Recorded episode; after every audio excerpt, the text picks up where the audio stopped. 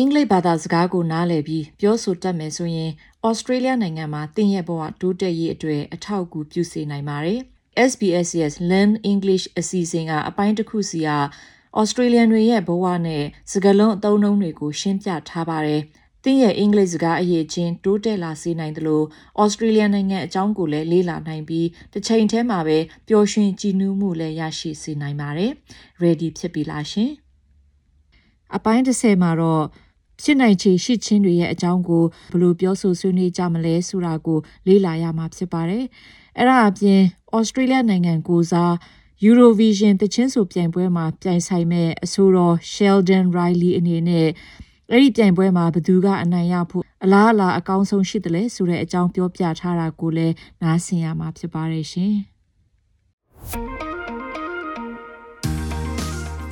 ။ Learning English helps me to speak with confidence. Hi, and welcome to the SBS Learn English podcast, where we help Australians to speak, understand, and connect. My name is Josipa, and like you, I'm learning the English language. Today, we are practicing different ways to talk about things we think have a chance of happening. In other words, we'll be talking about possibilities. And make sure you keep listening to hear Sheldon Riley talk about his chance of winning Eurovision in Italy. So let's start. First, let me remind you that we have learning notes, quizzes, and transcripts on our website, so you can keep practicing after listening.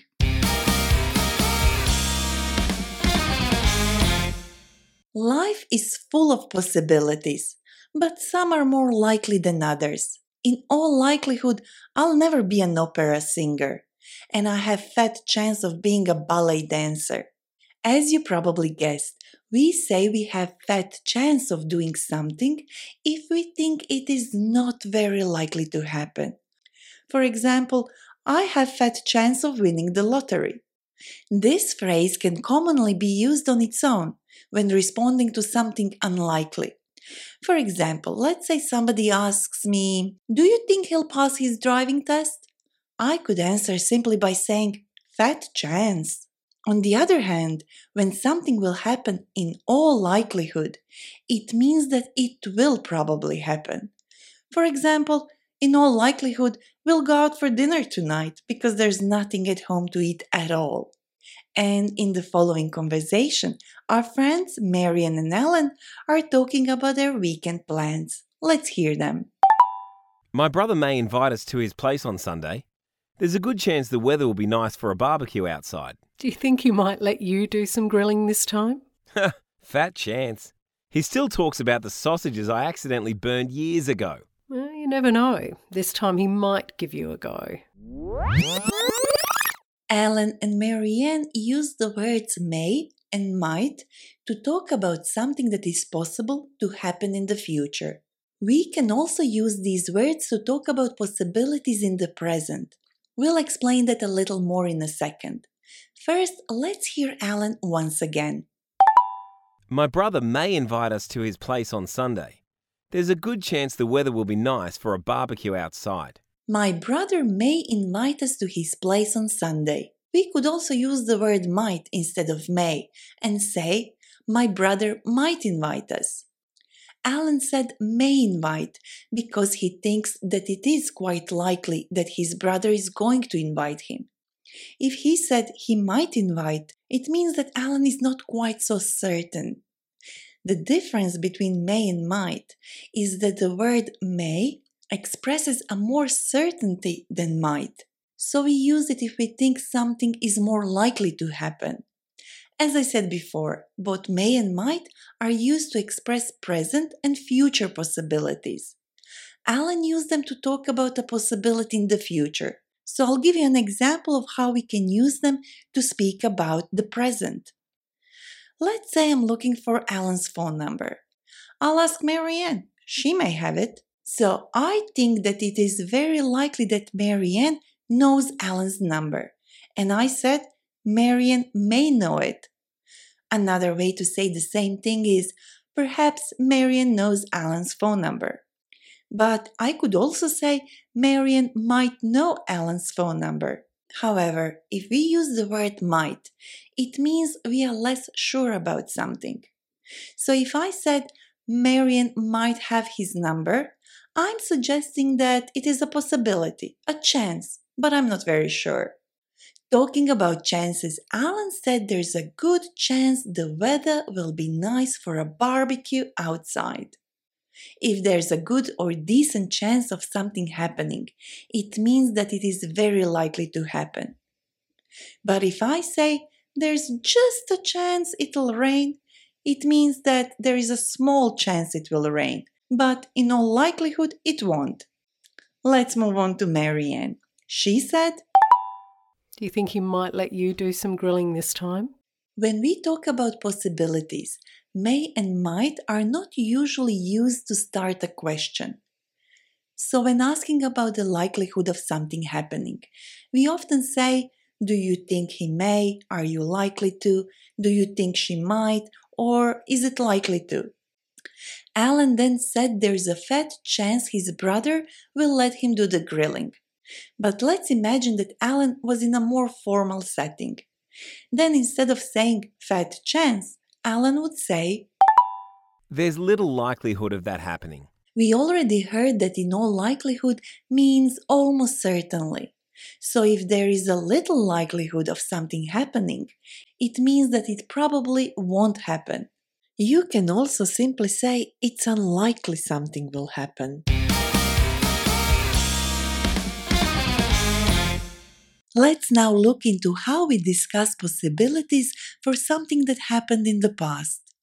In the following conversation, Marian and Alan will use the words we have already learned, may and might. But they will also use another word to indicate that they are talking about a past event. Ah, I can't find my wallet. I might have lost it. I suppose you could have lost it when we were in the park. Or I may have left it in the car. So, when making guesses about the past, we can use might have and may have. First, Alan said, I can't find my wallet. I might have lost it. We use might for present and future, and might have for past events to express the low likelihood of something happening. So when Alan says he might have lost his wallet, he says that there is a small possibility that his wallet is lost. Let's say there is a 30% chance that Alan lost his wallet. Marian then said, I suppose you could have lost it when we were in the park. Could is another word we can use when talking about possibilities. In this case, Marian used it to make a suggestion of what could have happened.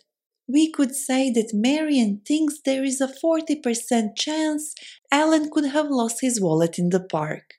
Alan said, Or I may have misplaced it in the car. Alan may have misplaced his wallet in the car. We use may and may have to express a stronger degree of possibility. We could say that Alan is 50% sure that he has misplaced his wallet in the car.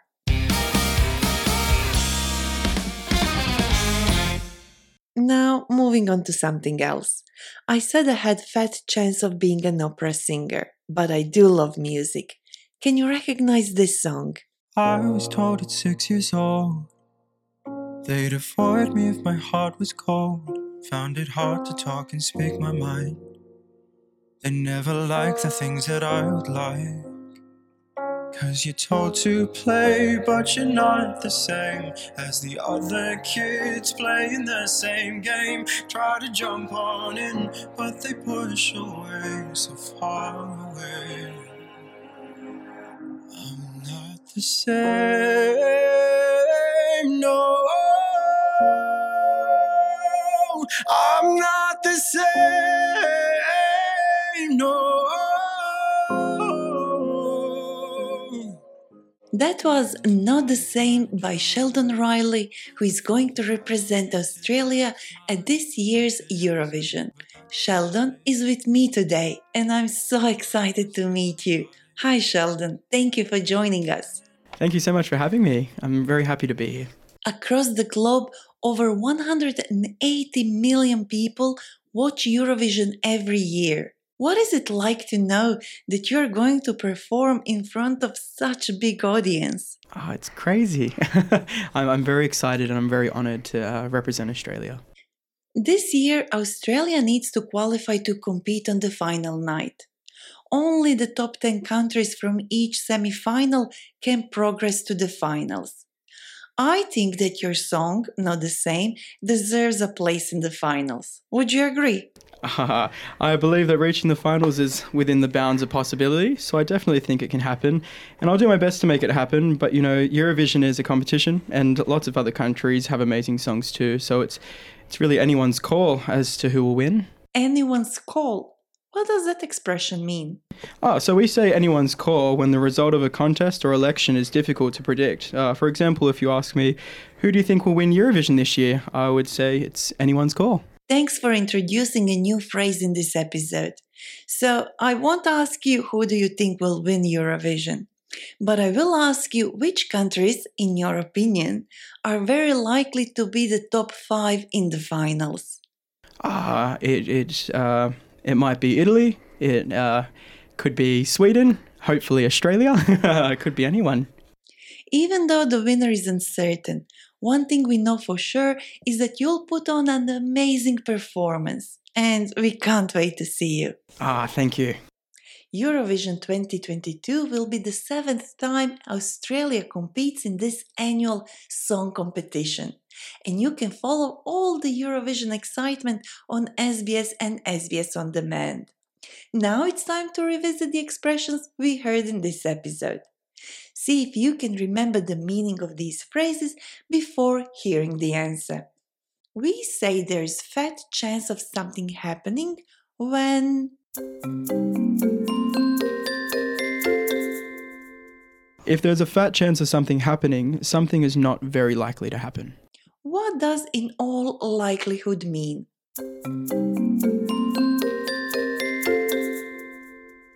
In all likelihood means that there is a high probability that something will happen. When do we use the expression anyone's call?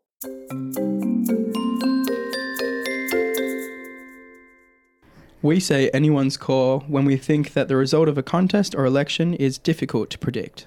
We learn different ways to talk about possibility in present and future.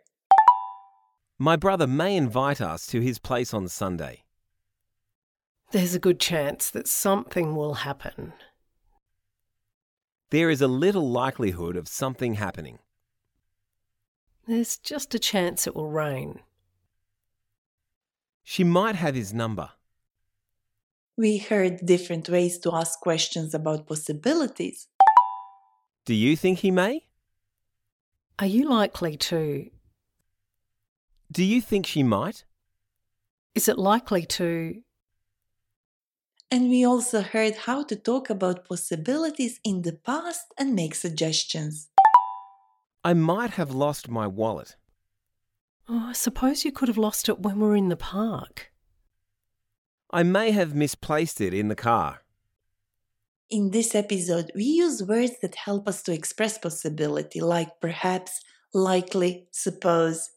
If you are not sure about the meaning of these words, check out our learning notes on sbs.com.au slash learnenglish. There you can also test your knowledge with our quiz. And if you would like to get in touch with us, send us an email learnenglish at sbs.com.au or reach out on Facebook. We are SBS Learn English. Thank you for listening. You've been listening to an SBS Learn English podcast.